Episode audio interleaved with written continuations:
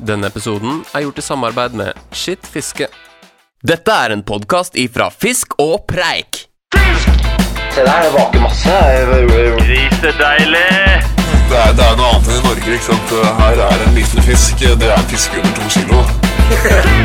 Det var mer gress enn vann. Fjerde gang han tok, så satt han på i to sekunder. Ja, ja, ja, ja, ja, ja, ja. Ja, ja, ja, ja, ja, ja, ja. Velkommen, eh, velkommen eh, til en eh, ny podkast i det nye året 2020. Lyttere, og ikke minst eh, programdeltakere. Adrian og Tobias. 2022 kanskje, eller? Jeg sa 2021? 2020, sa du. 2020? Ja, men det er litt for for å forvirre lytteren. Eh, Er du- Til senere tid, om tre-fire år, så bare Ja, men fader, hva- har jeg skippa riktig? Har jeg skippet feil? Eh, gjorde ikke bevisst, men eh, veldig gøy. 2022 er det i hvert fall.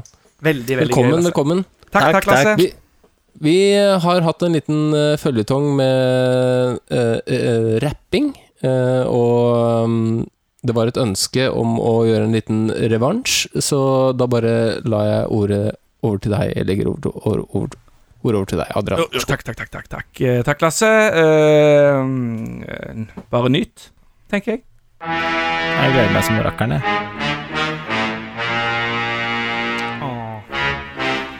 Olje Olje er tilbake. Det er bra. Ah.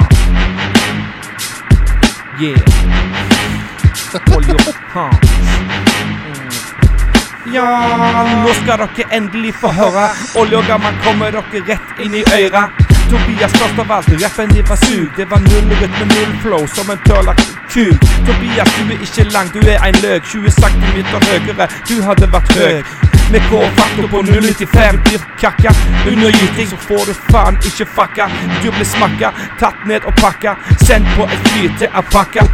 Var i Bærum sist helg på en fin, fin tur. Skulle hilse fra mor di, fuck, ikke bli sur. Lasse, du fiser videre i evigheten og forbi. Så Buzz Lightyear på felleski. Tilgjengelig studio til en million. Spill inn rappen din på en fuckings telefon. Som horngjellen så ligger der og spreller. Rommet på taket når det virkelig gjelder. Eller melde, du ligner på en trelle. Ikke fuck med meg, for da vet du at det smeller. Ah, olje og gammel. Ja. Mm. Olje og gammel. Ikke prøv å bli med gammel, slå slite dere maks. Alle vet jo godt at jeg smaker dere med en laks. Det var flaks. Alla flaks. Haffa flaks. Åh. Eh. Ja.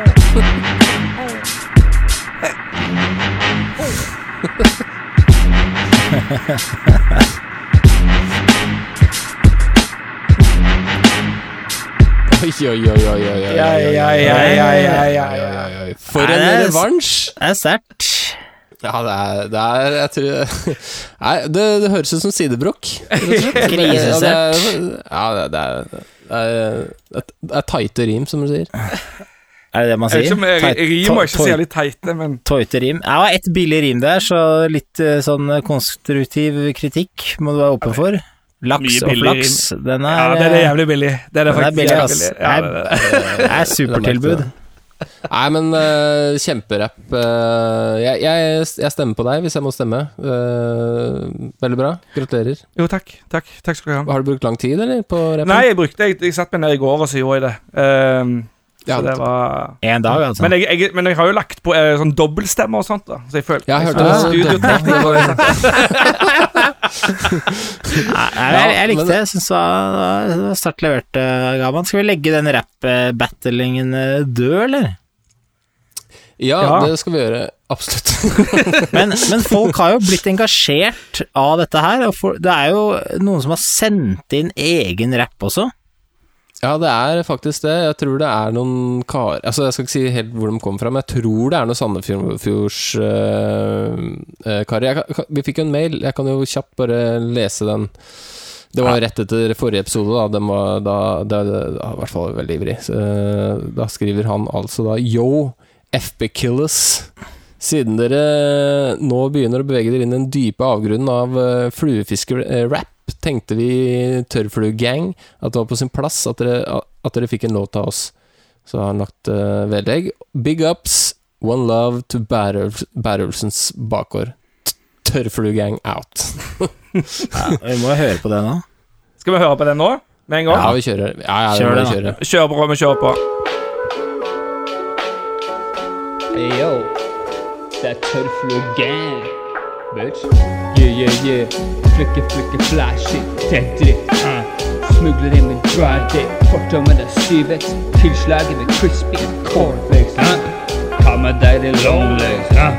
Døgnflø, klekking, bakkant, smekking, dry drop, mekking. Ayo, yeah, er drop king. Uh. Jeg teller mine kilo, du teller gram. Står i beste lakseelv, du googler beste karpedam. Uh. Bitch, jeg er en villaks, du er en setterfisk, følg med. Mm.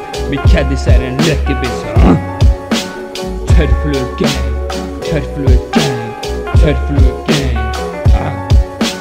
Brutiske stenger fra Hardy House, Hardy House. Ja, den den er bra, den òg, altså. Den er jævlig bra, faktisk. Ja. Det er ikke dårlig. Hvis du sitter i bilen og er Hvis du sitter i bilen og er like før du er fremme, liksom, og, og smeller på den, du blir litt ekstra gira da. Ja, det gjør det. Ja, absolutt. Det, nei, jeg syns det, det, det er tydeligvis en del uh, hiphop-rapp-folk der ute som driver med, med fluefiske. Det er en snedig kombinasjon, det. Men dere må bare sende inn mer uh, musikk, altså. Kjære Ja, det er kjempegøy. Det er, uh, det Det er er, veldig gøy, utrolig faktisk. gøy. Altså, det Så blir jo det blir noe premie til tørrfluegang. Det må jo bli det. Til Trout King. Det må jo det. Hæ? Trout King, han Absolutt. ligger på topplisten per nå, i hvert fall. Ja, jeg må få noe. Ingen tvil.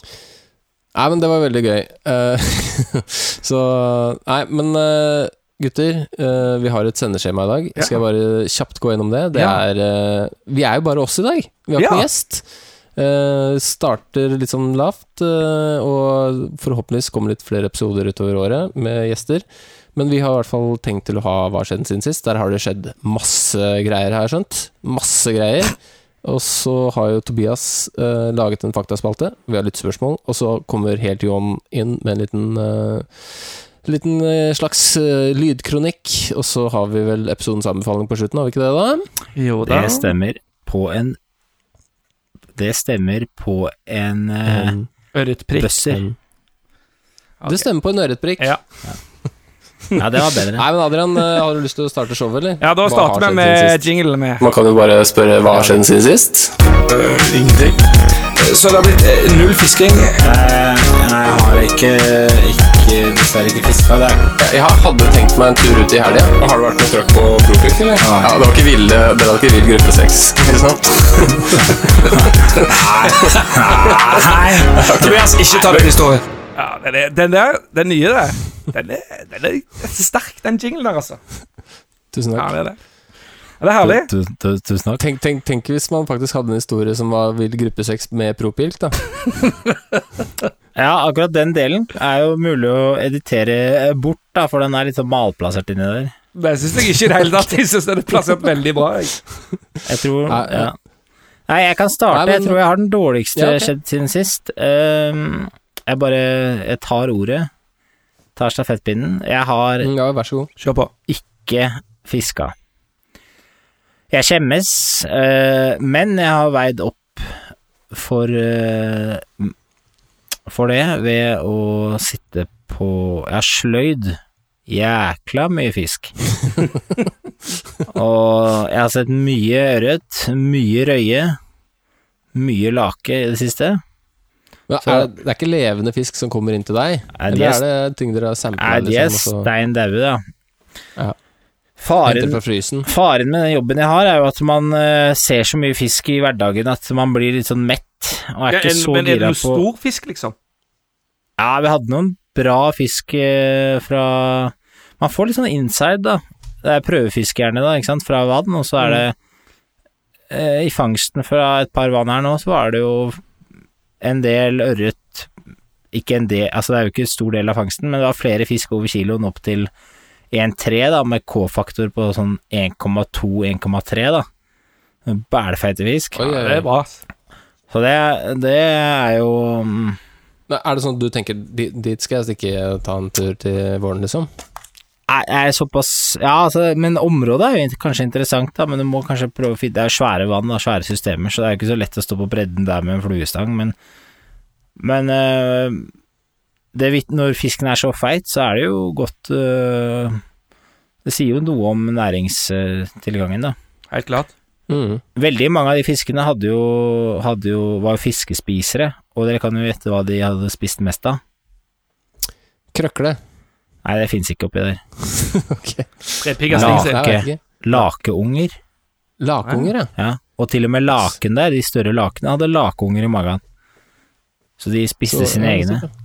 så- lake er rett og slett det er en viktig del av økosystemet Ja, vanskelig der. å si, men det kan, jo, det kan jo se sånn ut at det er viktig fôrfisk.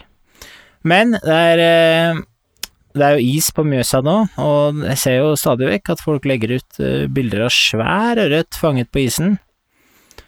Så Ja, jeg tror jeg skal prøve meg om ikke så lenge. Nå er det bare det er litt for kaldt og litt for sånn surt å sitte nedpå der. Jeg skal vente til det blir litt sånn mildere i været, så jeg kan bare stikke ned og sette meg i en sånn campingstol. sånn campingstol. Du må kjøpe deg sånn survival-dress, eller sånn uh, som man bruker på havet, ikke sant? Ja, det hadde jeg. kan, Jeg, ha, jeg hadde en sånn flytedress, men jeg solgte jeg på Finn, jeg fikk masse penger for den. Eh, Men jeg har en sånn flytedress, da. ja, ja. Det, da holder du deg god og varm. Ja, men det er ikke Det er digg å sitte der hvis du kan sitte i baris i fluktstol med fem, ja, det, det. fem meitestenger ute. Jeg, har, jeg har faktisk eh, et stalltips der. Ta, ta så Snakk med Kai Finnbråten, som jeg har hatt gjest noen ganger. Han har, har jo sånn gjerne én til to turer, har jeg inntrykk av, i året. Får alltid sånn fisk rundt tre kilo. Ja, men det, er, det, er der, det er der det ligger. Tre-fire kilo. Men det er eh, Nei, det er helt eh, Jeg har ikke fått en eneste fisk i Mjøsa ennå, men nå, nå begynner det å bli på tide. Altså. Du har fiska ganske mye i det. Mjøsa òg. Det er det verste. Ja, det som var litt irriterende, var at jeg har brukt noen timer på våren nede hos han eh, kameraten min på Brøttum, og ned på langs stranda hans, da, og fiska. Og uten å ha fått en noen ting, da. Og i høst så var naboen hans nede og bare Han bare tok noen kast, ikke sant? Mm. Svær, fin øre, to kilo. Nei! Jo, jo, rett hjem, kasta den i panna, og den middagen. Ja, Og der har jeg liksom stått Ja, jeg har lagt det litt på is, altså, det derre ørretprosjektet, for det er Det er så mye Det er mange timer fra land altså, mellom hver fisk, men så er det noen som bare f- får fisk på første kast, da. Men du må jo, du må jo kaste deg ut i båt.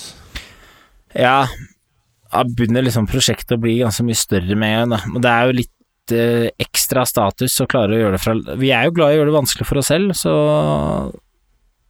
det er jo Det er sant. Det er liksom landet som men det, gjelder. det, det ja. Ja, det var Du innholdsrik. inn eh. Det, var, det har skjedd mye hos deg, Tobias. Det har det. Ja da, så er jo Jeg, jeg, Ja, nei, men det har, over det har eh, skjedd. ta, ja. Ja, du skal bare ta over, du skal bare ta over, ja. Jeg er ikke Nei, men det er sånn fiskemessig så er det Det er det som har skjedd. Men har det skjedd noe annet gøy i livet ditt? Altså, det må jo være noe annet du har gjort enn å fiske? Eh, siden sist Nja Jeg har eh, vært Jeg går mye på ski om dagen, da. Hvis jeg hadde, hvis jeg hadde fisket like mye i Mjøsa som jeg går på ski, så hadde jeg fått mye fisk i Mjøsa, tror jeg. Mm. Ja, nei, men eh, det er eh, Det er fortsatt det samme gamle, da. Vi driver en fiskepodkast der eh, ingen fisker. Det er helt topp, det. nei, men jeg kan ta over, for jeg har, jeg, jeg, jeg har masse å komme med. Skal jeg begynne med fiskinga? Eller jeg har, jeg har en, en historie fra virkeligheten, og så har jeg en Og så kan jeg snakke litt om fiskinga. Jeg begynner med fiskinga, jeg. og det Jeg har fiska. Oi. Nei, vi har det, har det sånn at um, vi eh, drar alltid opp til uh, Eller ikke alltid, men annethvert år så drar vi opp til Trøndelag uh, og besøker uh, svigerfamilien min når vi uh, feirer jul. Og det gjorde vi i år også. Og um, selv med Det lå sånn det vippa rundt null, minus én, minus to grader. Men jeg hadde med fluestang og dro ut, for det er, det er mange fine fiskeplasser rundt der um, i Kyrksæterøra, da. Eh, og da, da, da fiska jeg sjøørret, og tror jaggu ikke det smalt på eh, fisk etter fisk. Det Var det stort, da? Var, eh, Hæ, fisk etter fisk? Fikk du flere? ja, ja, jeg fikk masse fisk. Nei, jeg fikk ikke så mange fisk. Jeg fiska vel kanskje f- Jeg fiska hver dag, tror jeg. Men uh, fikk det, de to første dagene var det som mildest. Da, da var det sånn uh, pluss fem grader. Og da, da fikk jeg en del fisk. Første dagen fikk jeg vel fem-seks fisk. Men ingen store, da, bare sånn 200-300 gamle. Men eh, den ene dagen så fikk jeg en kilos. Eh, det, etter det siktet bare nedover. Dårlig ble det kaldere òg. Kilos, ja. Skal ikke kimse Ja, av, ki- kimse av det. Men det som er litt sånn derre Ja, nei, det satte ut og var tynn. Jeg tror det var eh, Jeg var ikke tynn, men ikke smellfeit heller. Men eh, det, det, det, det som er litt sånn Nei, jeg kakker ikke, jeg orker ikke Hvorfor skal jeg gjøre det, liksom? Jeg orker ikke Jeg skjønner ikke vitsen. Altså, men, men det som er litt sånn artig oppe i Trøndelag der, at eh, det, er, det er jo en del sånn eh, oppdrettsanlegg i Altså i ikke, ikke umiddelbar nærhet, men det er, det er i nærheten, da. Så er alltid sånn når jeg får fisk, så blir jeg sånn Åh, hvor mange lus har den fisken her? Er det liksom Er det en uh, fisk som er skada av uh, oppdretten, eller er det ikke det? Men eh, foreløpig da, så har jeg faktisk ikke fått noe fisk som er eh, sånn nedsausa av lus. Eh, så det er jo bra. Men er det ikke litt lavere lusepress nå på vinteren, da? Når det er så kaldt? Det kan godt, det, ja, når det er kaldere vann, ja, det kan godt stemme. Det veit jeg ikke så mye om, for å være helt ærlig. Men, men jeg, har, jeg har aldri fått fisk der oppe som har vært liksom sånn Sånn bare Herregud, er det mulig, liksom, med så mye lus? Men altså, det det er jo det er jo mer lus der enn det er på Østlandet. Det er jo sjelden man får fisk på Østlandet med mer enn to lus, egentlig. Det er, ikke, det er ikke alltid man får med lus engang, men der får man nesten alltid med lus, da. Mm. Så, så det var eh, Hva tror du om sånn som. Det kan jo bli en sånn ny greie oppi der hvor det er så mye lus, da, at du tar opp fisken, så avluser du den selv. Og så frityrsteker du lusen, og så er det den du spiser istedenfor fisken.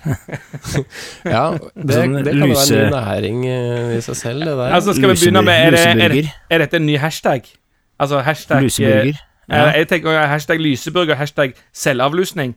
Altså mm. at, vi, at man rett og slett oppfordrer til å selvavluse, og så sette ut igjen. Ja, men folk gjør jo det. Ja. Folk er jo helt gærne på det. Har du ikke sett at det, Folk skryter jo av det på nettet og sånn.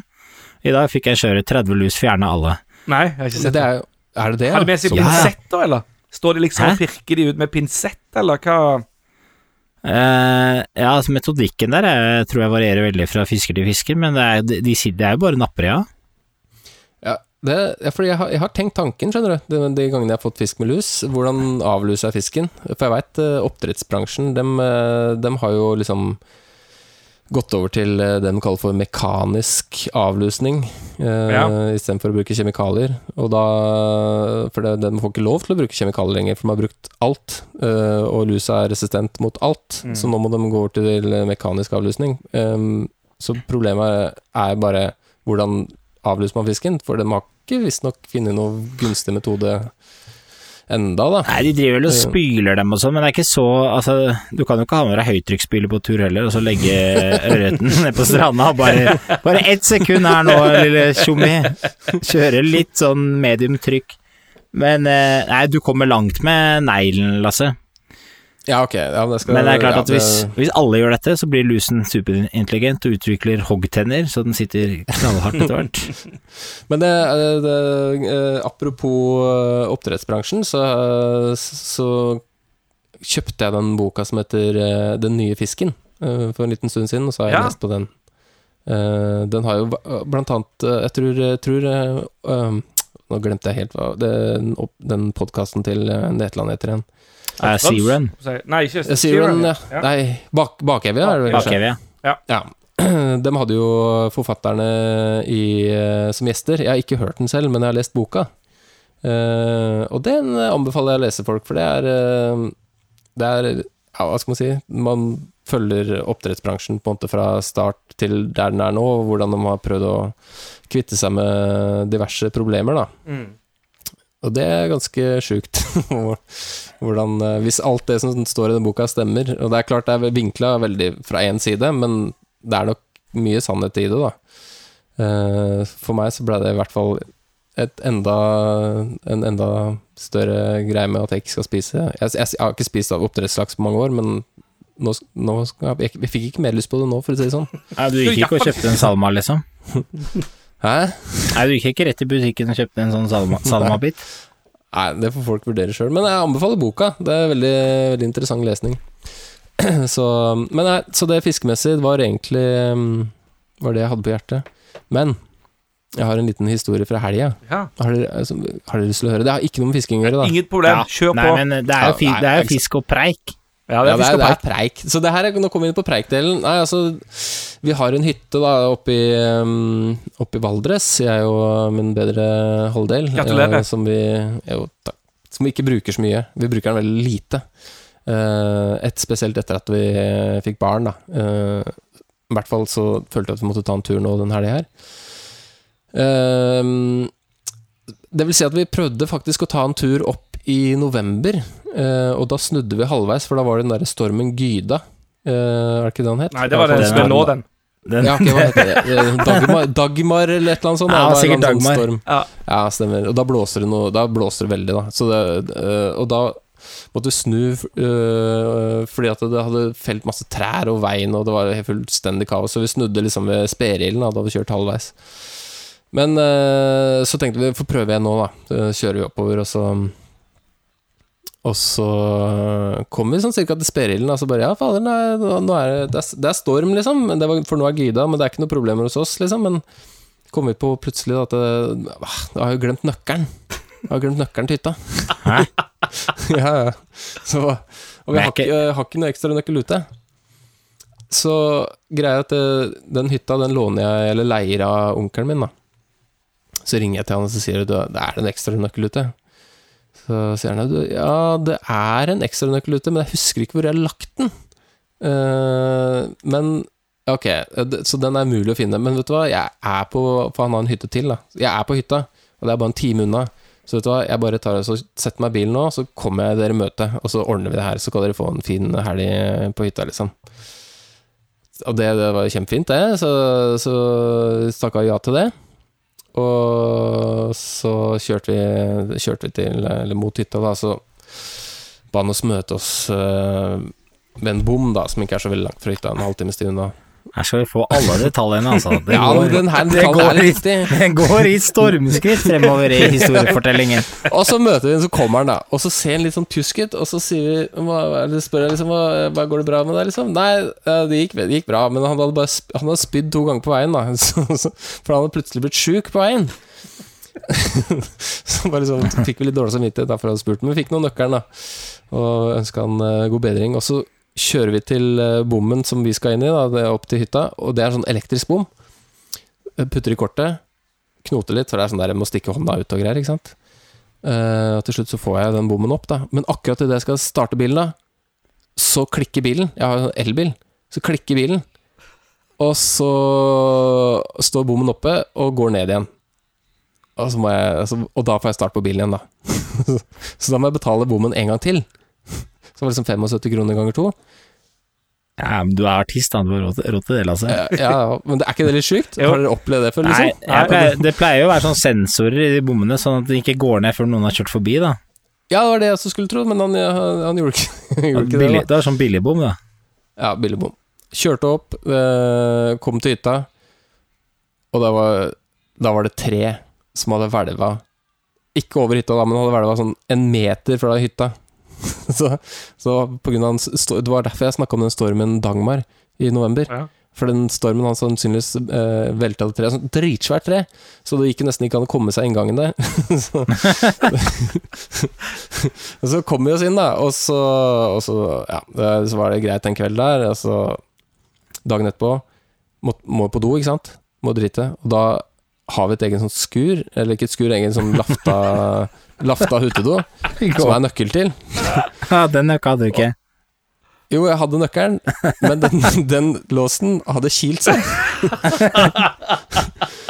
Så jeg prøvde å få opp den her med rå makt, da, med den nøkkelen, og da knakk jeg nøkkelen inni den Inni den låsen. Eh, Så jeg kom ikke, vi kom oss ikke inn på do. Eh, Så det endte med at vi måtte bare liksom gå i, i nærheten og drite liksom sånn Dere er rundt hytta, gjødsla rundt, dere er gjødsla rundt hytta, dere, da. Ja, ja, Det blir jækla det. svære, fine blåbær der til neste år, da. Det Ja, blir det- de det- blåbæra. Ja, nei, så det var sånn eh, Det var litt merkelig hyttetur. Alt, hyttetur for helvete, liksom. Ja, det var liksom det. Jeg følte meg, følte meg liksom som han derre Hjelp deg jul. Men jeg er ikke så, jeg er ikke så overraska, liksom, fordi du er jo litt sånn distré type. Det, men men ikke, ja. det treet ligger det enda, eller har du tatt, eh, tatt frem Saga? Nei, jeg kan jo ikke det. Det er eh, visstnok vis, kan potensielt være farlig, da. Spenning i treet. Ja, Ja, men du ser, du ser om det er spenn i treet. Altså, jeg har ikke peiling. Uh, jeg, jeg tør ikke det. Men er det rotvelt? Ja, det er rotvelt, ja. Så Ja. det er noe med røttene kan også hvis du ja, de, Det er jo ikke sånn at de spretter opp av jorda og begynner å fange deg og sånn, da. Ikke vet jeg. Men, men, men du kan jo Du kan jo bare eh, Nei, du skal være forsiktig, det er jeg helt enig i, men, eh, men et sånt svært tre, vet du, det er sikkert flere kubikk med ved. Hvis dere har Ja, ja, ovn, da.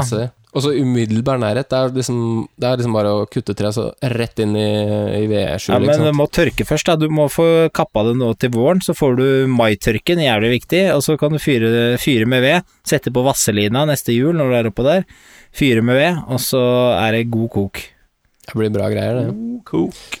Nei, så, så det var litt uh, oppdatering fra mitt liv. Ja, men da tar jeg over. Jeg. Takk skal du ha, Lasse. Den uh, Mm. hyttehistorien var fin, den. Um, det, eh, det var ikke, det var ikke så bra, tydeligvis. Jo da, den var Ja, bra, ja. men uh, jeg tror den hadde vært enda bedre hvis du hadde fortalt den dobbelt så fort. Ja, men det prosesseres ikke sant? samtidig som jeg prater. Ja, det det går det. litt tregt.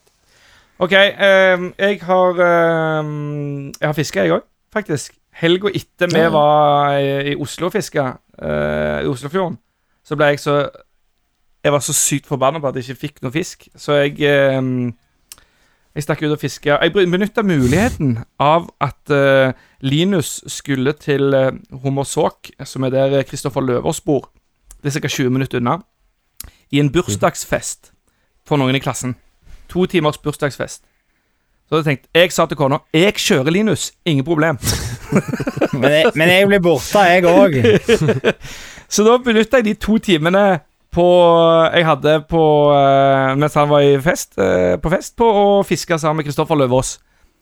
Ja, ja. Helt Var du ferdig rigga liksom i bilen da du satt deg i bilen med Linus, eller? Jeg hadde på meg vaderne liksom i bilen. Uh, Mm, og eh, jeg hadde ikke, hadde ikke rigga stengen eller noe sånt, men jeg hadde vaderne på i bilen. Uh, fyrte på, slapp han av, så sa jeg jeg kommer kanskje litt seint før jeg stakk. Og så stakk jeg eh, ned til Kristoffer. Det var bare det er bare fem minutter å kjøre fra der jeg eh, slapp han av. eh, stakk og så fiska. Eh, nappa opp tre fine sjøørreter. På de to timene. Vi brukte to dager i Oslo og fikk ikke dritt. og livet bare smilte, og så da var jeg egentlig relativt fornøyd. Og så, så bare kjørte jeg tilbake og henta Linus og, og kjørte hjem. Helt perfekt, det. Ja, deilig dag. Ja, det var deilig dag. Det var maks utnyttelse av uh, fisketid. Pluss at jeg fikk litt cred for, uh, fra kona fordi at jeg kjørte Linus på, Mm. ja, på det er, det er perfekt situasjon. Ja, det Men, bare- apropos Kristoffer Løvaas, så har han lagt ut noen uh, fiskefilmer på YouTube-kanalen sin eh, Ja, var det de siste dagene, faktisk. Ja, han har begynt Eh, å legge ut litt eh, gammelt, eh, gammelt greie, som er gøy. Gammelt oppgulp, som man sier. men, eh, men du er jo du er liksom star eh, i et par av de, de snuttene. Det, det er spesielt en der du ryker fisk, vil jeg anbefale folk å se. Ja, den er, det er Ja, trist. er det Gamman eh, liksom ten years back? Nei, det er, jeg tipper det er five-six years back. Ja, fordi hva, det jeg lurte på nå mens, For nå ser jeg deg på skjerm her, og da lurte jeg på hva er det som har skjedd med håret ditt, egentlig? Nei, det er bare at jeg har lagt det bakover på de eh, på, Å ja. Jeg har, Ja, så du har ikke blitt så gammel. jeg, altså. Jeg har ikke, Ja. jeg jeg har ikke Og så lurte jeg på en, ti en ting til. Om du, hvor, mange barn har du, hvor mange barn har du fått siden sist? Eh, null barn siden sist. Vi har ei, fortsatt en, eh, ei jente på vei. Ja, det er, ja, hun har ikke klekket ennå. Hun har ikke klekket ennå. Hun eh, ligger og er en eh, ja, skal vi si eh, nymfe. I nymfestadiet. Er, når, når klekkes? Ja, rundt 21. april klekkes det. Åh, ja, liten steinfluenymfe, da, kanskje. Ja, det, det, blir, det er såpass eh, perfekt hjemme at jeg, jeg tror jeg rekker akkurat å komme meg til Island i slutten av mai. Oh, Ja, nettopp, ja. Skal du til Island? Ja, Det er bare på en, eh, på en jobbtur, da, men eh, vi, vi får til noe fisking. Ja. Men åssen åssen blir det? Altså, nå har du to unger, Ja. øh, og så får du en tredje. Altså, Får man tid til noe annet enn unger? ja Ja, det, ikke så mye annet enn jobb og unger, egentlig. Det er jobb og unger liksom det går i. Og så jobber jeg veldig mye òg i tillegg, så det, det er ikke lett. Men eh, jeg prøver jo å utnytte det. det man blir jo kreativ, da. Eh, sånn All av den historien jeg fortalte i begynnelsen, da, med, med, med bursdagen. sant? Um, og nå som eh, Nå skal jeg til Houston i begynnelsen av mars. Da skal vi òg prøve å få fiske litt uh, på Fletser der etter noe, etter noe sånn eh, Red Snappers, eller hva de heter. Å ja, nettopp, ja. Um, og um, Red Og Fish, tipper jeg. ja, Red, Redfish heter det kanskje. Ja. Uansett, da flyr jeg svigers inn. Det var så jækla billige flybilletter. Så jeg, sa til, jeg ringte til svigers og sa jeg, jeg skal spandere Fordi de har pensjonert seg. Jeg skal spandere tur Mm. på dere, sa jeg. Og så flyr jeg de inn, sånn at de kan være med og passe på ungene mens jeg er vekke. Kona er happy. Spanderer, spanderer en helgeweekend til Stavanger. Nei, jeg, spa, jeg spanderer ei uke. Ei uke. Kost og losji. Olje, ass. Ja, men det kosta det, det var 300 kroner 399 tur og tur. Det var så sykt ja, bra, så- det var, det, var, det var bare å slå til, liksom. Mm. Det var, og det er verdt det, det, altså. Men det, det var ikke 399 til Houston, men til uh... Nei, nei, til um, For Houston, det Houston er en jobbtur, så det ja. Det er business class, det er det ikke det? Nei, vi, vi prøver å holde det litt nede, altså. Så det er Economy Plus. Og så får vi kanskje upgrade til business hvis vi er heldige. Men da er det, da er det cava på Ja, det er cava, ja. Prosecco på, på Ja, flyet. Det, det er Cava eller Prosecco, det er det, altså. Det er det. Er det, er, det, er det noen horer på kvelden? liksom, Nei, det er ikke, det er ikke Sånn er det ikke. Uh, ja, for jeg har iallfall aldri opplevd det i min sånn uh, businesstur-verden. så har jeg aldri opplevd at det har vært den der type fester, da. Det er, mer, Ja, det, det det er gamle folk som sitter og Altså, det er så jævlig mye gamle folk, da, i olja. Mm. Så det er gamle folk som sitter der og skryter av uh, hva de var med å installere, og hva de var med og gjorde, og ditt og datt, liksom. Det er det, liksom. Ja, det, er vel he, det er vel hele casten fra Lykkeland er vel med deg på Ja. Houston-turen. Ja, Har du sett den serien? Det er bra Ja, ja, ja. serie, altså. ja det er faktisk Nei, ganske jeg- info informativ. Spar det til, spar det til anbefaling. Jeg ble så Nei, jeg har masse anbefaler, men jeg ble så glad i den uh, siste episoden. Jeg har ikke sett den som kom nå nylig, men den uh, episode to, hvor det var så mye fokus på, på fisken. Som eh, Ja. det var liksom De er veldig tydelige på at fiske, fiskeriet, fiskenæringen, var utrolig viktig. Og makrell, da. Fiske etter makrell. Var liksom, det var stort, da. Jeg Har du ikke eh, Det burde du selv, altså. Ja, jeg skal sjekke. Nei, nå sklir det ut her. Ja, det gjør det. Ja. Nei um, Er du ferdig, Adrian? Jeg er ferdig. Ja, men jeg syns ikke det var så gærent, jeg. Nei, syns jeg heller. Nei, du Eh, jeg kommer på en god, kommer på en god andreplass bak Lasse sin hyttehistorie. Ja, for det, den, den var såpass bra. Ja, det var det. Eh, Ja, sterkt, Nei, men uh, vi kjører Vi kjører rett og slett Tobias sin faktaspalte, gjør vi ikke det? Ja, vi gjør Ja, vi kan altså. ta Bli ferdig med det. Kjør jingle. Hei gutter! Hallo, ja. Visste du at fisk primært er vannlevende virveldyr med gjeller og finner i stedet for ben? Ja, det var for eksempel gruppene bruskfisker, kvastfinnefisker, lungefisker, njøyer, slimåler og strålefinnede fisker.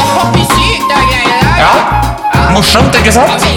Tobias sin faktaspalte. Velkommen, kjære lyttere, til Tobias sin faktaspalte. Det er lenge siden sist, men nå har vi en ny sak å fortelle dere. Det blir ikke noe quiz til dere i dag, men vi skal ta oss og øh, fortelle litt om øh, ørretens innvandring til New Zealand. Vi er jo glad i å fiske ørret med flue, og spesielt stor ørret. Eh, Det er enkelte plasser i verden hvor det er mye mer stor ørret enn liten ørret, og dit vil jo vi.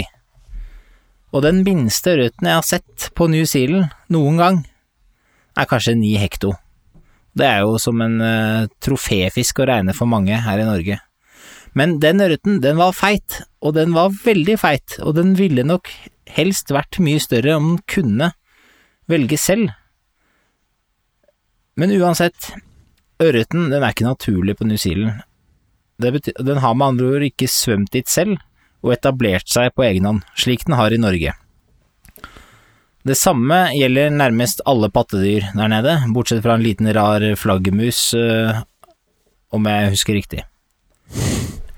Uansett, jeg har inntrykk da, av at meningene rundt ørretens tilstedeværelse på New Zealand er litt sånn todelt. Eh, jeg studerte der nede i et halvt år, og da, da fikk jeg litt sånn innblikk i konflikten For forvaltningen av ørret er basert på at det skal være et attraktivt sportsfiske, og det er det jo. Eh, Og det er én organisasjon som forvalter nærmest all ørret over hele øya, og det er Fish and Game. Og konfliktene går litt ut på at ørreten, som nesten alle andre levende skapninger på New Zealand, ikke er naturlig. Det er en trussel mot de stedegne fiskeartene som finnes her. Men hvis disse stedegne fiskeartene hadde vært storvokste, sterke og gode å spise, så hadde man kanskje aldri tatt og fraktet ørret til New Zealand. Men slik er det jo ikke. De stedegne fiskeartene, de er små og svake, og de er ikke Altså, de har Med andre ord så har de jo ikke De er jo ikke egnet som en sportsfisk. Ei heller så er de matfisk, vil jeg tro. Så jeg tror vi fiskeglade, vi kan være glade da for at ørreten ble fraktet hit såpass tidlig. Eh, hadde diskusjonen om introduksjon av ørret funnet sted i dag, så hadde antagelig pipa hatt en annen lyd. Er det ikke det man sier? Det er det man sier. Ørreten den har svømt rundt i elver på New Zealand i over 150 år. Man feiret faktisk 150-årsjubileum i 2017. Og den ble ikke fraktet til New Zealand i vanntanker med Etihad Airways, men med båt. En reise på om lag tre måneder. Den ble heller ikke frakt, fraktet levende Det ble heller ikke fraktet levende fisk, men befruktede rognkorn og både ørret og lakseegg ble forsøkt fraktet flere ganger uten suksess, men i 1864 så var det en luring som pakket ørret og lakserogn i mose og is, og satte kursen sydover til Tasmania. Det er jo ikke så langt unna New Zealand. Men til Tasmania klarte de å frakte ørretrogn, ørretrogn uten at de døde. Lakserognen derimot, de klarte seg dårlig, på de første turene i hvert fall. Og deretter så var det bare å klekke på, som vi sier. Ørreten ble videre Ja, så ble ørreten spredt rundt i Tasmania, og så ble den videre sendt til New Zealand, Victoria og Sør-Afrika. Klekkerier de ble opprettet, og britene var i gang med å etablere kanskje verden, verdens beste ørretfiske. Og det visste jo naturligvis ikke de, men vi får vel kanskje gi dem en liten high five neste gang vi møter på dem. Ja, ja, kjempe, det er veldig, veldig, veldig bra. Veldig bra. Ja, det, var, det er Veldig bra, bra. det er informativt. Og, og det er jo ikke sikkert alle vet eh, denne historien her, så det er jo egentlig veldig bra at du eh, fortalte den, Tobias. Ja, det jeg unnlot å fortelle, eller det som kanskje er litt sånn uvisst for mange, det er jo at uh, ørret er jo ikke Finnes ikke naturlig noe sted på den sørlige halvkule. Mm. Den er uh, Det er en fun fact. Det er en god fun fact. Og- Ikke sant? Og, og så er det hvorfor er det sånn? Og det er vel antageligvis fordi at de ikke har eh, de, Det er veldig mye varmt hav rundt ekvator, og det Jeg håper ikke jeg sier feil nå, jeg tror ikke jeg sier feil, men eh, denne, denne, dette varme, varme, varmen rundt ekvator fungerer som en slags barriere, da.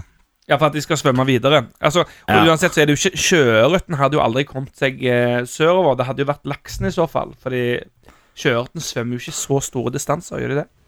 Nei, men ørreten, brunørreten på New Zealand har nok spredt seg i stor Altså, nei, det blir jo større distanser enn hva jeg snakker om nå, da, men veldig, veldig mye ørret uh, spres jo ved at de vandrer i brakkvannsområdet, for eksempel, eh, sjøveien, da.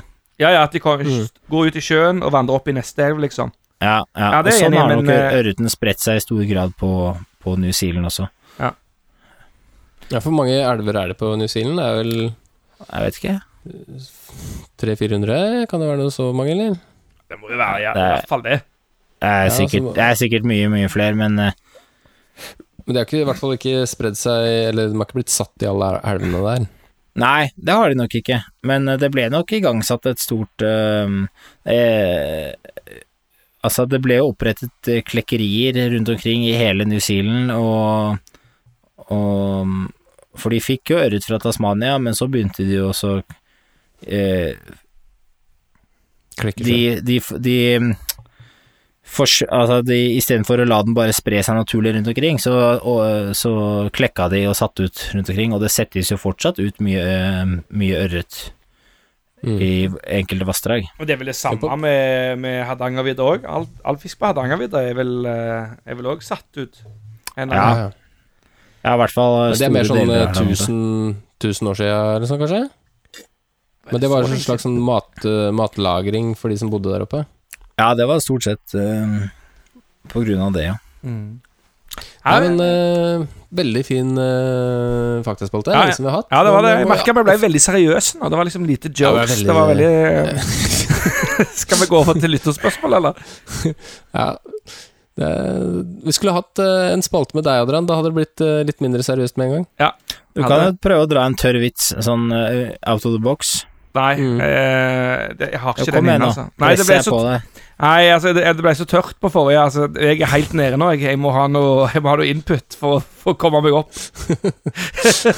Jeg, prøvde Ja, å gjøre det litt lystig her, da. Jeg Jo, men altså, jeg, nei, altså, jeg, jeg, jeg syns det var veldig bra, Tobias. Mm, Kjempeflink er du. Ja, det var veldig bra. Mm. Det var bare, det var, jeg, bare jeg er ikke på, på, på jokes akkurat nå, altså. Jeg er ikke, på jokes, jeg. Nei, men da går vi opp videre til uh, lyttespørsmål, da. Vi gjør det. Kjør på. Lyttespørsmål Hei!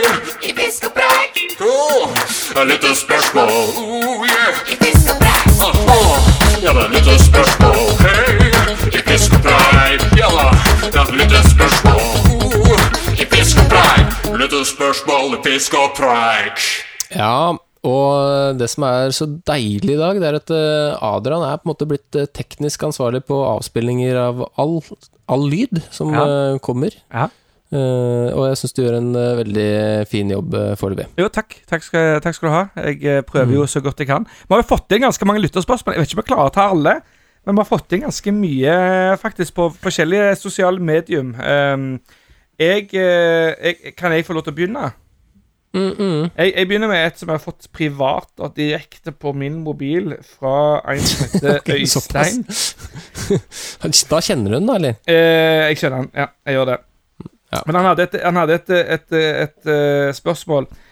Er det lov til å bruke hardy til ørretfiske? Altså merke hardy på snella. Er det lov til å bruke på ørretfiske? Artig du spør, for det er eh, Det er faktisk ikke lov. Det har jo blitt debattert veldig hardt. Ja, altså det, Jeg òg syns det var et artig spørsmål. Fordi at eh, jeg eh, Første jeg spurte, var Har du kjøpt de Hardy. Spurte jeg. Em, og så eh, Ja, jeg vet ikke. Jeg, jeg føler jeg, jeg forbinder det ikke med ørretfisk, liksom. Nei, men jeg, jeg har ikke noe spesielt forhold til Hardy, uten at jeg har sett noen uh, Hardy, spesielt de snellene, og de er veldig sånn eh, eh, Det er veldig Bife. Veldig sånn Ja. Ja, det er mye snelle, på en måte. Ja, Nei, det er de har noe De har litt grann, noen produkter som er veldig lite snelle òg. Ja, ok. Ja, ja, de nei, er, eh, det er, de har noe det lightweight. behag. Men er, er det litt sånn Er det litt som Sånn som jeg eh, føler, er det litt som eh, Mercedes, da? At det er, det er sånn gamle menn som kjøper det.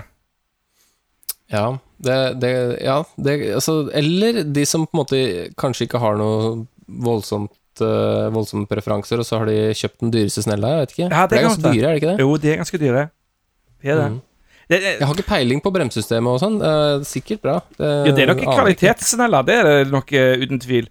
Og det er jo litt sånn Vi har vel snakket om dette før òg, og vi har snakket om det mange ganger. Hvordan man skal kle seg, og hva man skal ha på, og hva merker man skal ha, og alt sånn. Eh, personlig, jeg, jeg bryr meg jo ikke om, noe, om, jeg, om jeg ser en i elva med ei hardisneller, så er det ikke sånn at jeg tar avsmak for det, men jeg hadde ikke brukt det sjøl. Hvis du ser en i elva med kinetic-snelle, da Da skygger du, skygger du banen. Nei, det må du ikke si, Tobias. For det kinetic-sneller det er det mange som bruker som, eh, for å komme seg inn i, eh, inn i, i, i Det er på en måte gateway-druggen til fluefiske. Ja, sant? Da Ja, kan det vi var si at det var et spørsmål, dere da. med en gang. Kvitte dere med en gang med de snellene. Få dere en ordentlig. Og ikke, Jeg pleier akkurat å si- Jeg pleier å si det. Du blir mye bedre til å fiske hvis du kjøper deg Kjøper deg Lamson eller eh, Ross.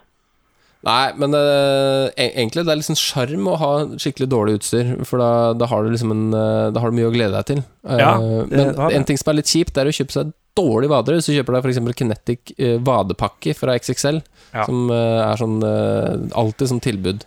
Og det, det må dere finne på å gjøre. Det er det dummeste å gjøre, for det blir hørt på etter Er ikke miljøvennlig heller. Men jeg gjorde det, altså. Jeg hadde det første året mitt, eh, så hadde jeg den Kinetic vadebuksa.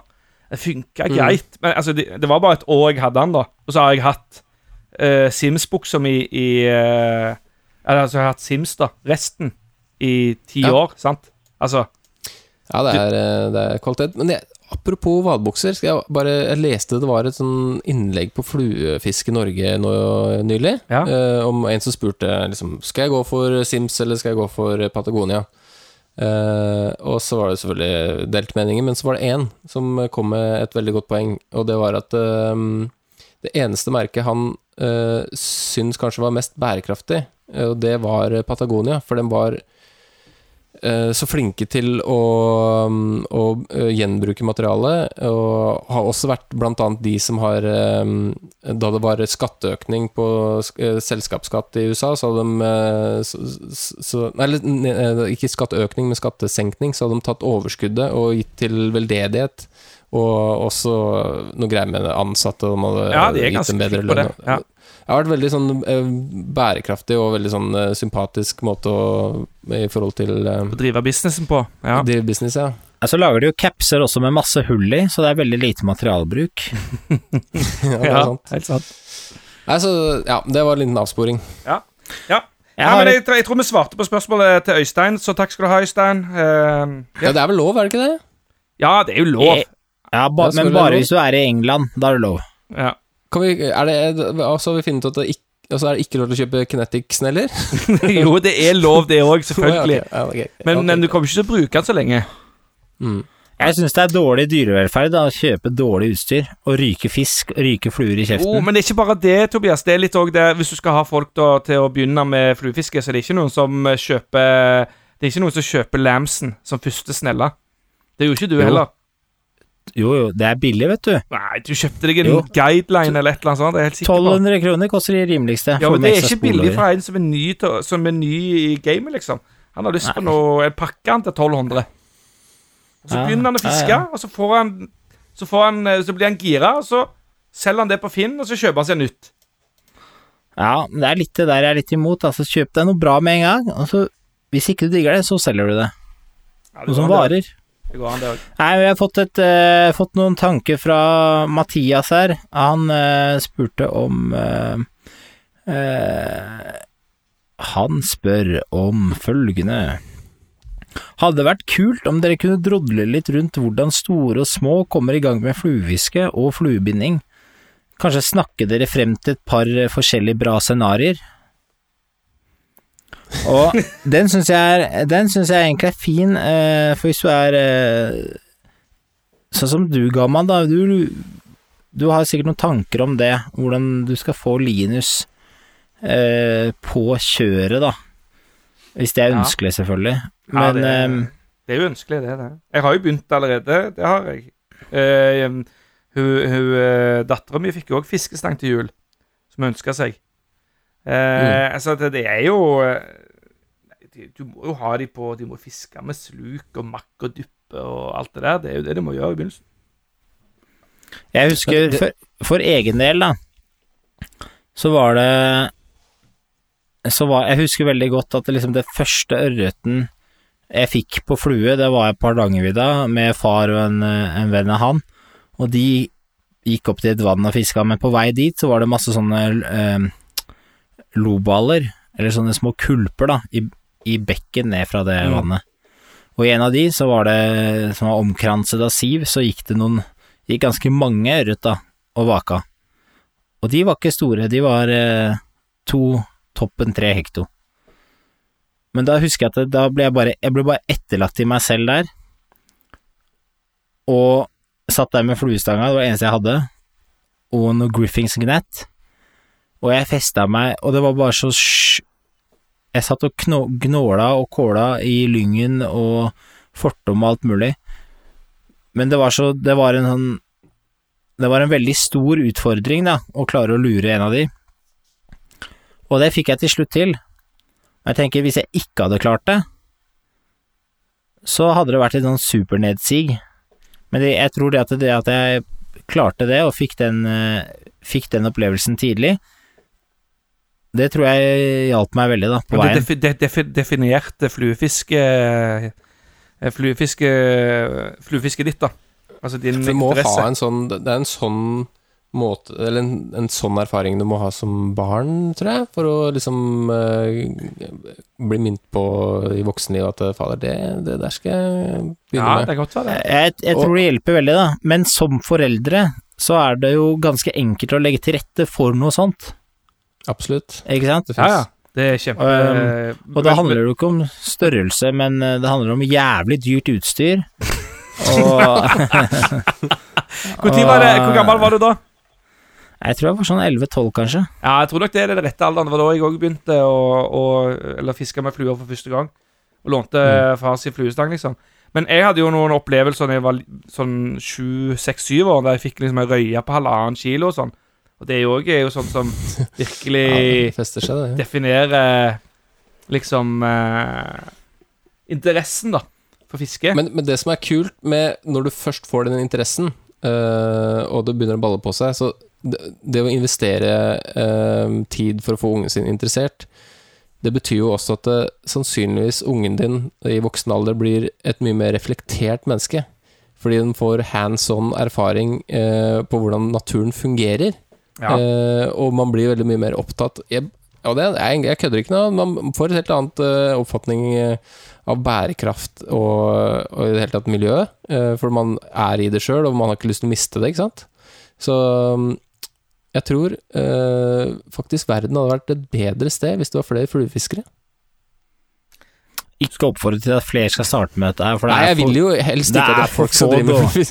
Jeg håper at folk slutter, for det er for, do, for få do, bra plasser Ja, Men eh, den dagen vi dauer, og det blir masse fluefiskere, så da har vi liksom gjort vårt, og da er det ikke så farlig lenger. Men, eh, men eh, jeg er helt enig i at jeg vil ikke ha for mange fiskere der ute, for da er det mindre fisk å fiske på for oss. Men, men hvis verden hadde vært ti ganger større, da, og tenkt at hvis det var åtte-ni New Zealands der ute eh, som man kunne fiske på, og det var sykt mange bra plasser, uh, så, så tror jeg vi hadde hatt et bedre sted. Helt klart. Helt klart. Ja vel, skal vi ta neste lytterspørsmål? Lasse, kan ikke du ta, han, ta den fra han dansken, da? Um, er det hvor, på Hvor er Instagram. det de finner den? Ja, de har ikke tilgang på Instagram, jeg. Da, da kan jeg ta den. Er det greit? Ja, ja du må nesten ta den da. Eh, mm, det er en danske som har skrevet til oss på Instagram. Hei, dette blir vel en rar blanding av dansk og norsk. Lykke til. De sier jo egentlig 'til lykke' i Danmark, så han har klart det. Ja. Eh, jeg, jeg, nå tar jeg resten på sånn vanlig Jeg har flyttet eh, fra København til Tromsø og er derfor ved, eh, i ferd med å bli integrert i den norske fluefiskekulturen. Fisk og preik har spilt en vital rolle i denne prosessen, og jeg antar at de er 100% representative for denne scenen. ja. Uh, Johan Bjerg, det er vi. Helt uten tvil. det er kanskje, det, er kanskje de, ek- de beste fiskerne. Ja. Liksom. ja men ikke den beste fiskeren, men den mest representable. Det er den. Ja, det er ja, ja, det er sant. Ja. Eh, som dansk eh, er sjøørretfiske en medfødt evne, dypt forankret i mitt DNA. Derfor er det ganske fint å bo her i nord. Men jeg lurer på en ting. I Danmark oppsøker de fleste sjøørretfiskere plasser der det på da, eh, dager det blåser. Vi liker bølger og farget vann. En saying er at det er perfekte forhold når man står i vann til livet og kun akkurat ser vadeskoene sine. Jeg har en fornemmelse av at de fleste norske sjøørretfiskere foretrekker vindstille forhold og klart vann. Er dette en korrekt observasjon? Og om dette er tilfellet, hvorfor foretrekker dere stille forhold? Er det fordi dere minner om sommer, fjellfiske og seigemann på hytta? Mange hilsener Johan Bjerg, en dansk i nord. Jeg starter gjerne Ja, med svar der. Det verste jeg veit, er jo vindstille på sjøørretfiske. Ja. Uh, og sol. Altså, da er det Selv om det er sånn tæneforhold, men det er absolutt av null troa. Det er sånn Det er vanskelig. Det er nesten bare å dra hjem. Ja. Det Det nesten dra hjem. eneste, det eneste som er lett under sånne forhold, det er å kaste. Ja, det er akkurat det der. Så de desidert beste fiskedagen jeg har hatt, det, det trenger ikke være at det er to meter høye bølger, men det, at det er drittvær, og det er gjerne skiftende. Da blir jeg Ja. glad. Helt enig. Noe av Eh, det beste fisket jeg har hatt, i hvert fall sånn eh, opplevd liksom høy tetthet, det er jo mm, under sånn helt kakaofarget vann. Jeg Har ikke sett en dritt, og jeg skjønner heller ikke hvordan fisken har klart å finne den flua, men det er liksom ti centimeter sikt, da. Ja, det, det, du, det er veldig spesifikk fjordterm du snakker om nå, eller? Nei, du har aldri vært der? Der, der du fikk den på 4,3 eller noe sånt? Nei, nei, det er ikke der. Eh, da, nei, nei, nei, der var det kakaovann? nei, det var ikke kakao der. Jo, jo, jo. Jeg var jo der to dager etterpå. Det var, Ja, det var ikke men, kakao, det var bare kaffe, kaffe og le, var det ikke? Ja, men kaffe au lait, er det noe dere har i Stavanger? Ja, det er, det er kaffe latte. Det er kaffe latte. Ja, sjukt.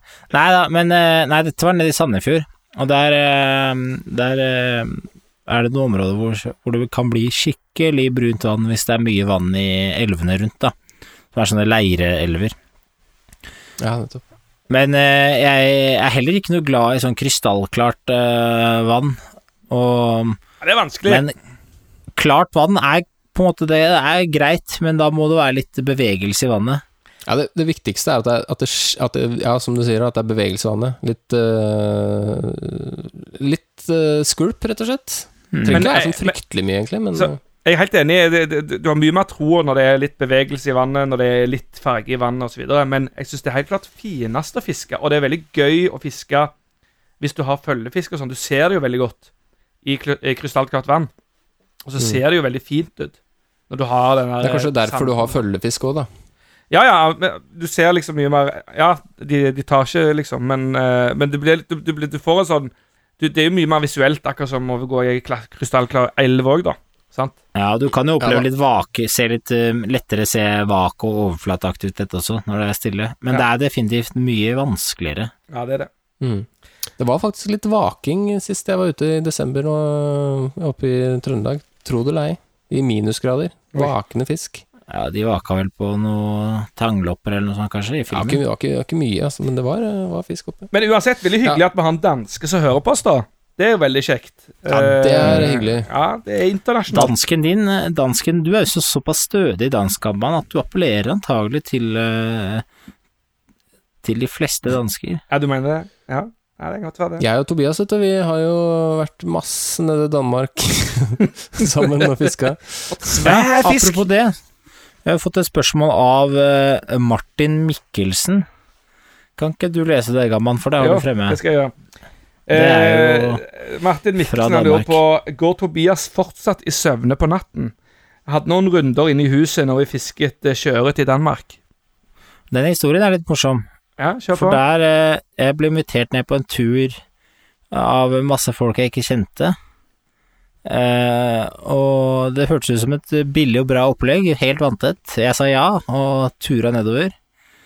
Lite visste jeg at de skulle skjenke meg dritings på øl og fireball.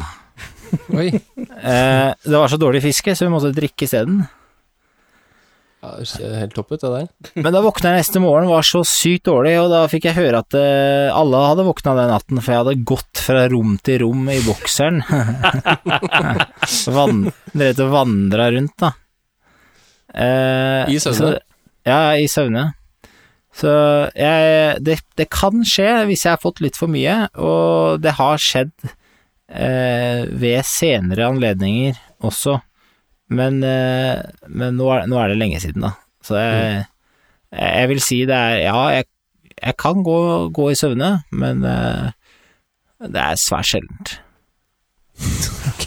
Takk for oppdateringa. For oppdateringa. Ja, ja, men det var, eh, det var Danmarks smukkeste fjord, da, men det var så drit lite smukt fiske, da. Lasse, har du noen uh, lytterspørsmål? Du, jeg har vel ett uh, her. Uh, skal vi se, nylig kommet inn for et døgn siden. Uh, det er ifra um, Fluefanton, som eh, han kaller seg på Instagram, skriver han. Hei, Pompeii! Nå som vi er midtveis og alt er trist og leit, og pandemien åpner og stenger puber i hytt og pine, har jeg bestemt meg for å binde flere fluer i uka enn antall øl jeg drikker. Det er i gjennomsnitt seks fluer om dagen. Hvis jeg får fisk på noen av dem, kan jeg faktisk skryte på meg at fylla ikke bare har skylda eh, for skilsmissen, fedmen og ubetalte regninger. Ettersom jeg relativt nylig har arvet en hytte på Krokskogen og bor i Oslo, har jeg bestemt meg for å fiske i Nordmarka rundt til sommeren. Nå som jeg ikke har fisket med flue like mye som dere lurer eh, jeg på Som dere Som ja, s- eh, Jeg starter på nytt. Lesekurs. Nå som jeg ikke har fisket uh, med flue like mye uh, som dere lurer jeg har, Altså, det er en skriver... Det er noe skrive, rar Ikke skyld på det. Ikke skyld. Må Som dere lurer, har jeg uh, på om noen av dere altså. Begynn på nytt. Ta begynn Nei, altså, det er det det står. Ok, jeg skal lese akkurat det det står. Nå som jeg ikke har fisket med flue like mye som dere lurer jeg på om noen av dere kunne tenke dere å være med på Skal vi danse, og i så fall Ja, det er en vanskelig setning, dere må innrømme det. I så fall, hvilke mønstre og hvilke størrelser bør jeg binde for å dekke Nordmarka-prosjektet mitt i år? Ja, det er et enkelt spørsmål. Ja, og det er et enkelt spørsmål, og eh, der har jo Jon Erlend eh, eh, egentlig svart for oss. Det er Ja, det maur, maur synkemaur og Flyvemaur. tvistemaur. Nei, Ja, stri, tvistemaur, ja. det fi, Eh, stripmaur, ristemaur, synkemaur og flytemaur. Men hvis du skulle være så uheldig slash heldig å havne midt oppi det verste Vespertina-kjøret, så uh, er det ikke maur som gjelder. Det kan jeg bare si med en gang. Da er det Og det har ikke jeg helt funnet ut sjøl, men det kan binde opp alt, Uh, alle stadier av Vespertina. Det, det er i hvert fall Altså et par bulgata vulgata i boksen òg, kanskje. Ja, hvis du fisker eh, der det er vulgata, så er det selvfølgelig en fordel. Men eh, jeg tror Krokskogen har, har litt sånne småputter her og der. Da er det ofte bulgata nei, Vespertina som gjelder. Ja, så når Du brenner bli, ikke- Du brenner ikke inne Hold kjeft, ti nå. Fy! Du brenner ikke inne med once in a way eller to heller, da. Det er en flue. Ja, men, eh, Jeg likte det der hvordan det, hvordan det var et spørsmål. Det Ja, er det en flue! ja, det er jo en veldig effektiv eh, myggeklekker. Ja, jeg, tror, jeg, jeg, tror, jeg, jeg tror mygg når mygger, når mygg i forskjellige stadium, når maur og eh, når vespertina er i forskjellige stadium, da er, da er du dekka, altså. Da har du Ja, hele Nordmarka, egentlig. Men det er klart, maur trumfer alt hvis det er liksom eh, er eh, Ja, ikke er noe voldsomt spesielt som skjer, så er maur veldig effektivt. Ja. Det er bra. Så det kan, vi, det, det kan vi si til det kjedsommelige. Skal ikke kimse av en sånn eh, Skal ikke kimse av en sånn øyenstykk, øyenstikkernymfe heller, da, som du kan lurke, Libella! Det klekker libella, gutta! Ja, lurke langs bånd. Jeg har jo, har jo vært med Jon Erlend eh, mye i marka, spesielt da jeg starta å fiske. Og han hadde en ordentlig henge på, på ikke bare libeller, men også ferdigklekte libeller. da Flyvende altså øyestikkere. Uh, han fikk vel noe fisk på dem, men problemet var at flua var jo så svær, så det var så vanskelig å kroke fisken. Ikke bare det, men han, sånn han, han propellerer jo så jæklig òg, så at det, det blir Ja, jækla spinn på, på, på fortommen òg. Ja, du må ha noe tjukke, tjukt fortovsmateriale. Men det, er- det anbefaler jeg ikke. Rett og slett. OK, jeg har et spørsmål her fra Per Øyvind Nordberg. Hei, gutter. Takk for unormalt hyppige episoder. Hvilke erfaringer har dere med å fiske med to fluer under tørrfluefiske? Enten to tørre eller en tørr og en nymfe. Ser dette er populært i statene, men virker ikke særlig utbredt her hjemme.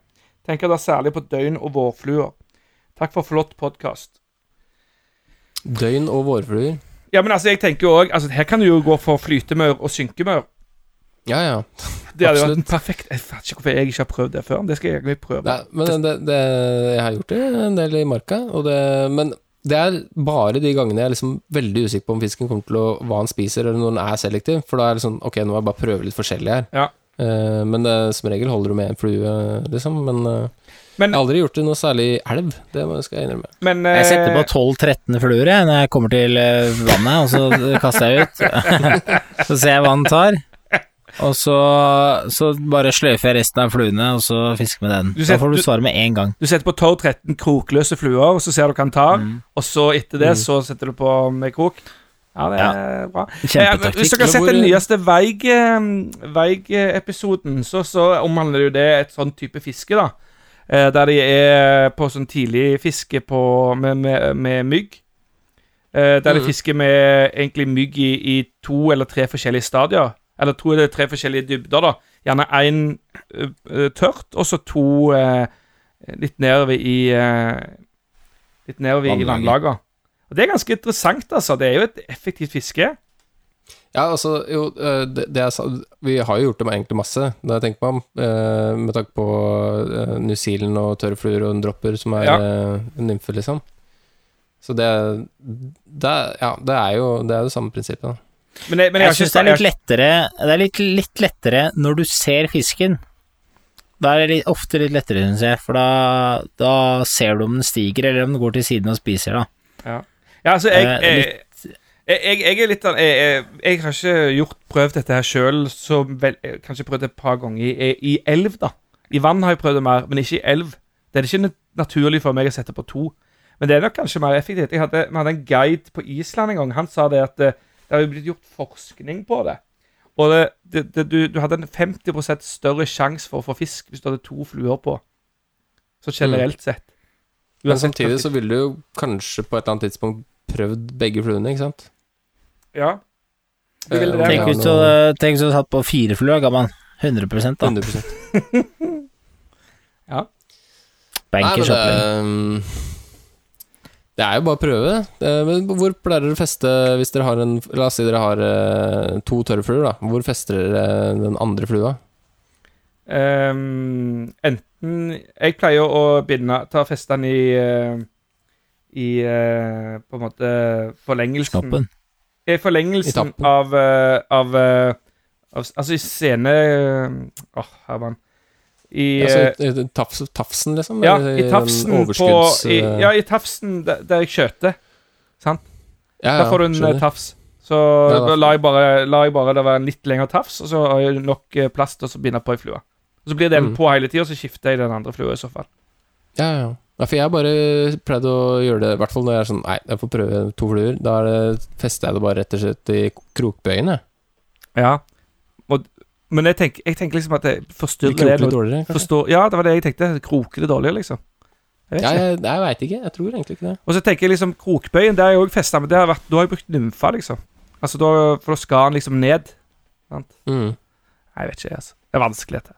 Det er vanskelig. Det er et vanskelig tema. Og Tobias han har meldt seg helt ut, for han sitter og melder med nye Elskeren sin. på. Elskeren sin. Nei, jeg prøvde å finne flere Jeg mente at vi hadde fått et lytterspørsmål eh, her, men eh, jeg fant ikke. Jeg kan ta et lytterspørsmål, da. Et siste. OK? Jeg Jeg kan det er det jeg savner.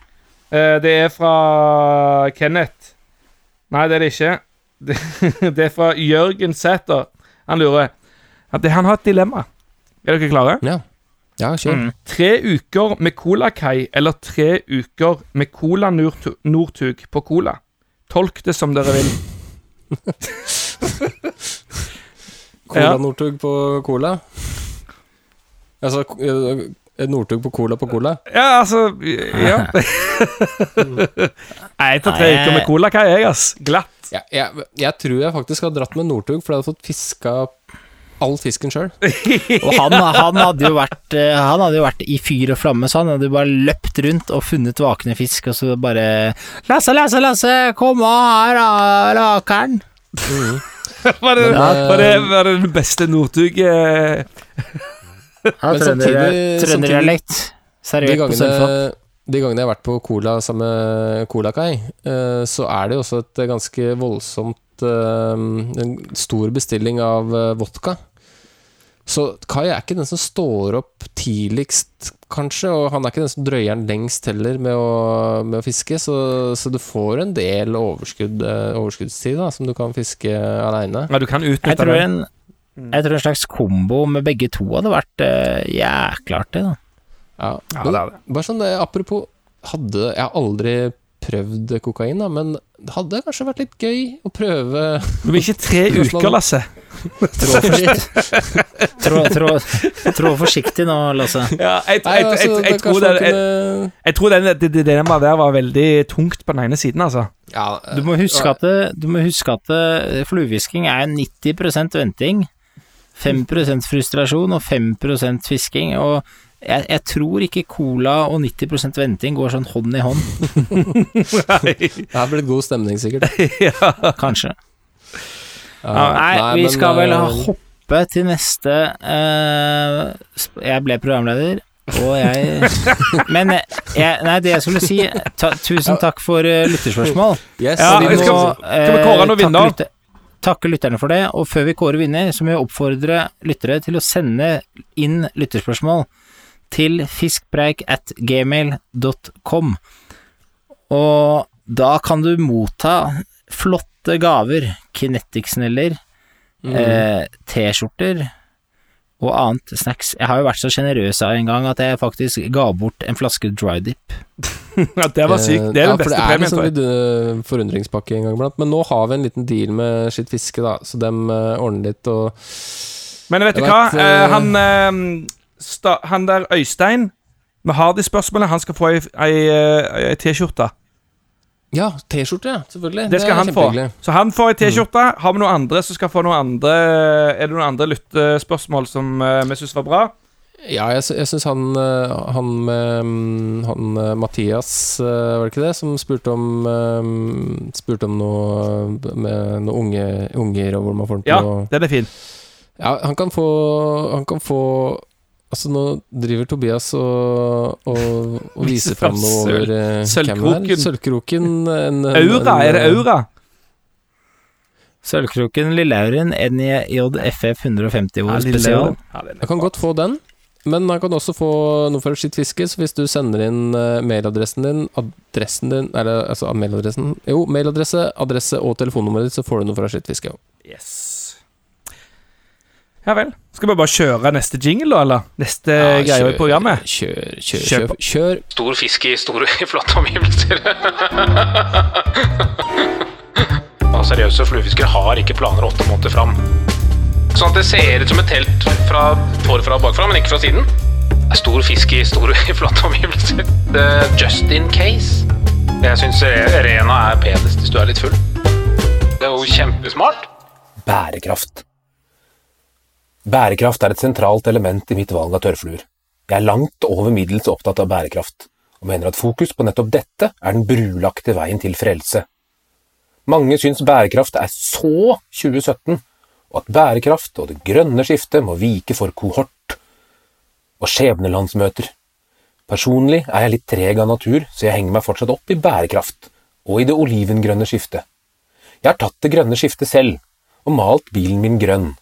Skiftet fra hvit, eller rettere sagt noe som en gang var hvitt, men som nå lignet mest av alt på smelta krokanis, til grønt, og sveiset bærende konstruksjoner slik at bærekraften er langt høyere enn den var på midten av 90-tallet da bilen ble bygd.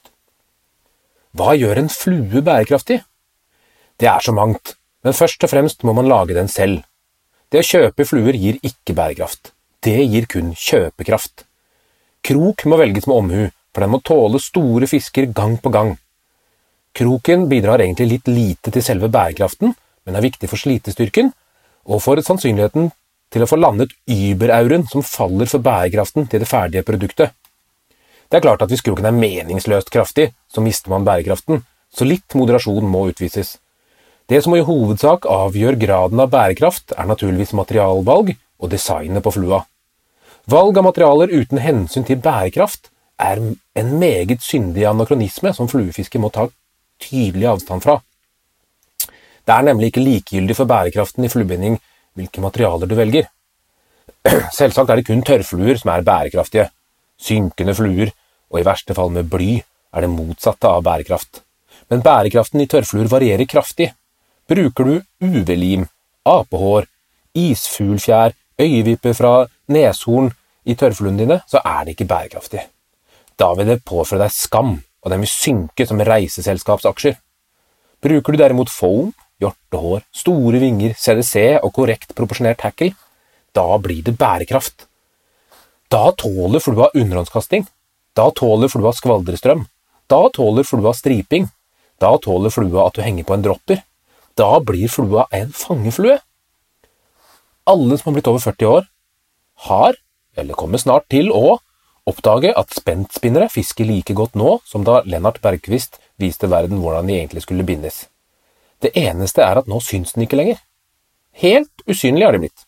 Og det er ikke pga. fluorkarbonfortommen, men pga. at jeg er nærmere døden, og at nedbrytningen er i full gang. Har man da vært lur å binde opp en drøss med bærekraftige fluer som kan fungere som miljøfyrtårn og veivisere, så kan man bare binde på en komparadønn man lett kan se, og feste en spentspinner som dropper til den. Da har du bærekraft, miljøfyrtårn og fangestyrke i én og samme pakke. I ren bærekraft er det lite som kan måle seg med en Tsjernobyl-maur, og det gjenspeiles også hvor, i hvor poppisen har blitt, nå som alle er opptatt av bærekraft. Rock er bærekraftig, og vi kan lære mer fra rocken enn Run to the Hills, som er min favorittleveregel. Vi kan også lære shake, rattle and roll. Det vil gi oss økt bærekraft, bare vi tilpasser den til fluefiske, nemlig dry shake, rattle and snake roll. Dette er skrevet i navnløst mørke i de dype svenske skoger midt i november. Det er litt rart. Det er lenge til noen skal gjøre noe igjen med bærekraft, men sånn er det på denne tiden av året. Skittfiske til dere alle, hvor enn dere måtte være.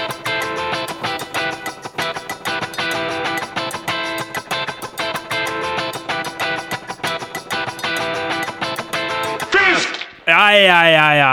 Han, eh, altså, Knut Johan han har mye Og dette var, denne var ganske bra, altså. Dette Altså, bærekraft eh, Han får sagt det. er viktig. Mm. Han får sagt det.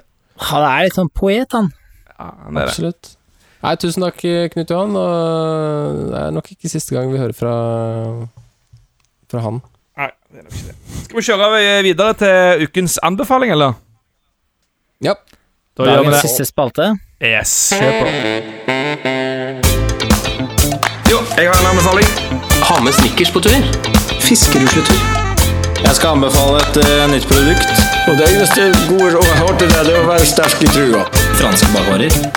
Croissant. Jeg vil faktisk anbefale fisk og preik. Ja, ja, ja, ja, Jeg ja, vil faktisk eh, anbefale fisk og preik. Det er min anbefaling. Ja, det er deilig Det er, det er deilig å ha han eh, i hver episode. Kristoffer Løvaas. Ja, det, Han det kommer, snart, han kommer snart i en ny episode. Han gjør det. Han gjør det. Må Ja, kan vi ikke få en sånn uh, Få en litt sånn uh, skjørhet uh, spesial her uh, fra han? Det må vi klare å få til. Klare å få til det. Ja, det var, var nesten det. Ja. Nei, men jeg kan godt starte ballet. For jeg kjør har en ryke, rykende fersk anbefaling. To rykende ferske anbefalinger. Først vil jeg anbefale den boka som vi snakka om i stad, som heter um, Den nye fisken. Knallbok. veldig informativ og gøy å lese. Eh, og så har jeg en annen anbefaling. Det er mulig jeg har anbefalt det før, men hvis du er og sitter og ser på TV og lurer på hva skal jeg se på, prøv å finne fram uh, Fishing Impossible. Det er ganske artig! Jeg vet ikke om dere har sett på det. Fishing Impossible. Hva er- Det er ikke helt er det hørtes gøy ut.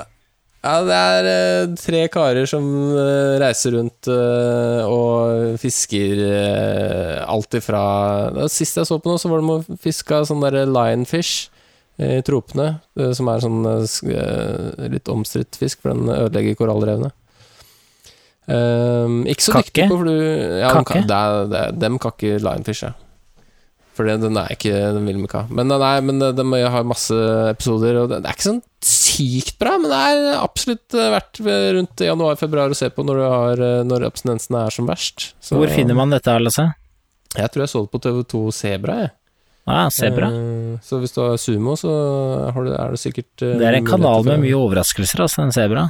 Jeg kan også anbefale Mountain Men, eller hva det heter. Det er altså, har, du, har, du, sett det? Er det litt sånn? Brokeback Mountain-aktig serie? Nei, nei, det er bare Det er sånn der, det, er- det er noen karer som bor eh, litt for, forskjellige steder da, i USA. Noen bor i eh, Ja, det er noen fjellkjeder og greier. Da, Velkommen altså. til TV-podden.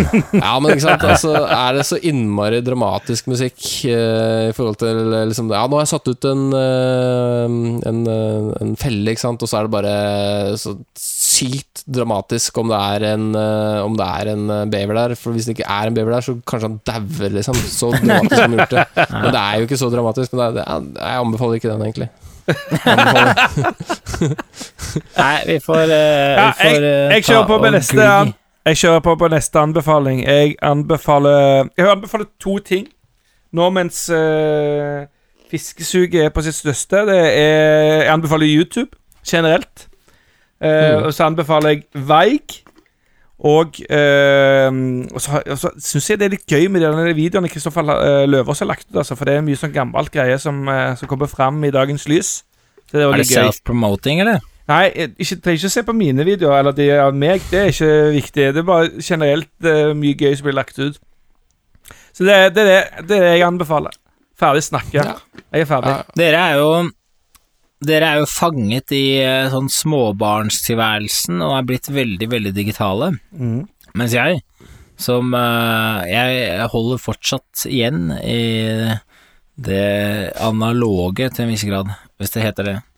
Ja, Så jeg vil anbefale Jeg vil anbefale folk å abonnere på eh, Oppstrømsmagasinet. Ja, ja, det er bra.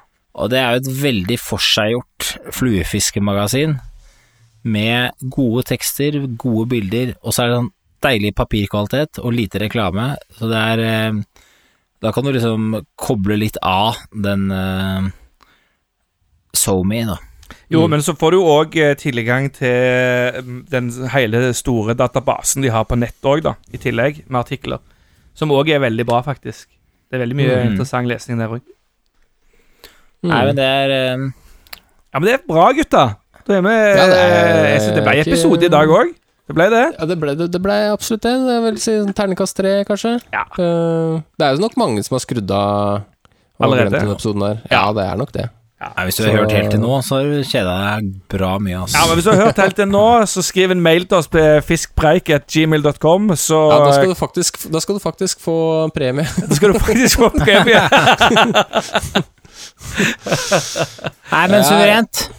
Ehm, jeg uh, lurer bare på om vi skal ha flere episoder framover. Vi skal vel det? Ja, det skal vi selvfølgelig ha. Nå kommer det på løpende bånd. Ja, det gjør det. det, da lover vi. Og vi skal lage, vi skal lage Fisk og preik-låt, og vi skal Altså, det er så mye som kommer til å skje. Ja, Ok.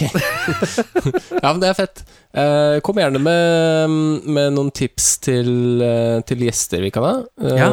For det er alltid gøy. Noen som gjerne er liksom spissa på et eller annet som er litt artig for oss andre å høre om. Noen skikkelig nerder. Vi trenger en sånn supernerd. En Ja, som smir sin egen kroke, liksom. En Ja. sånn type nerd. Mm. Lager sin egen porno, for eksempel. Ikke sant? Det, er, det hadde vært veldig gøy. Jeg tror vi runder av der, jeg. Så sier vi god helg. God helg! nyttår. Godt Eller nyttår. god, god ny uke. Det spørs akkurat når du hører på episoden. Ja, Takk for i dag, gutter. Ha det Ha det. bra! Ha det. Ha det! Har du bidrag til oss i Fisk og preik, så send oss gjerne en mail på fiskpreik at gmail.com eller på våre Facebook-sider.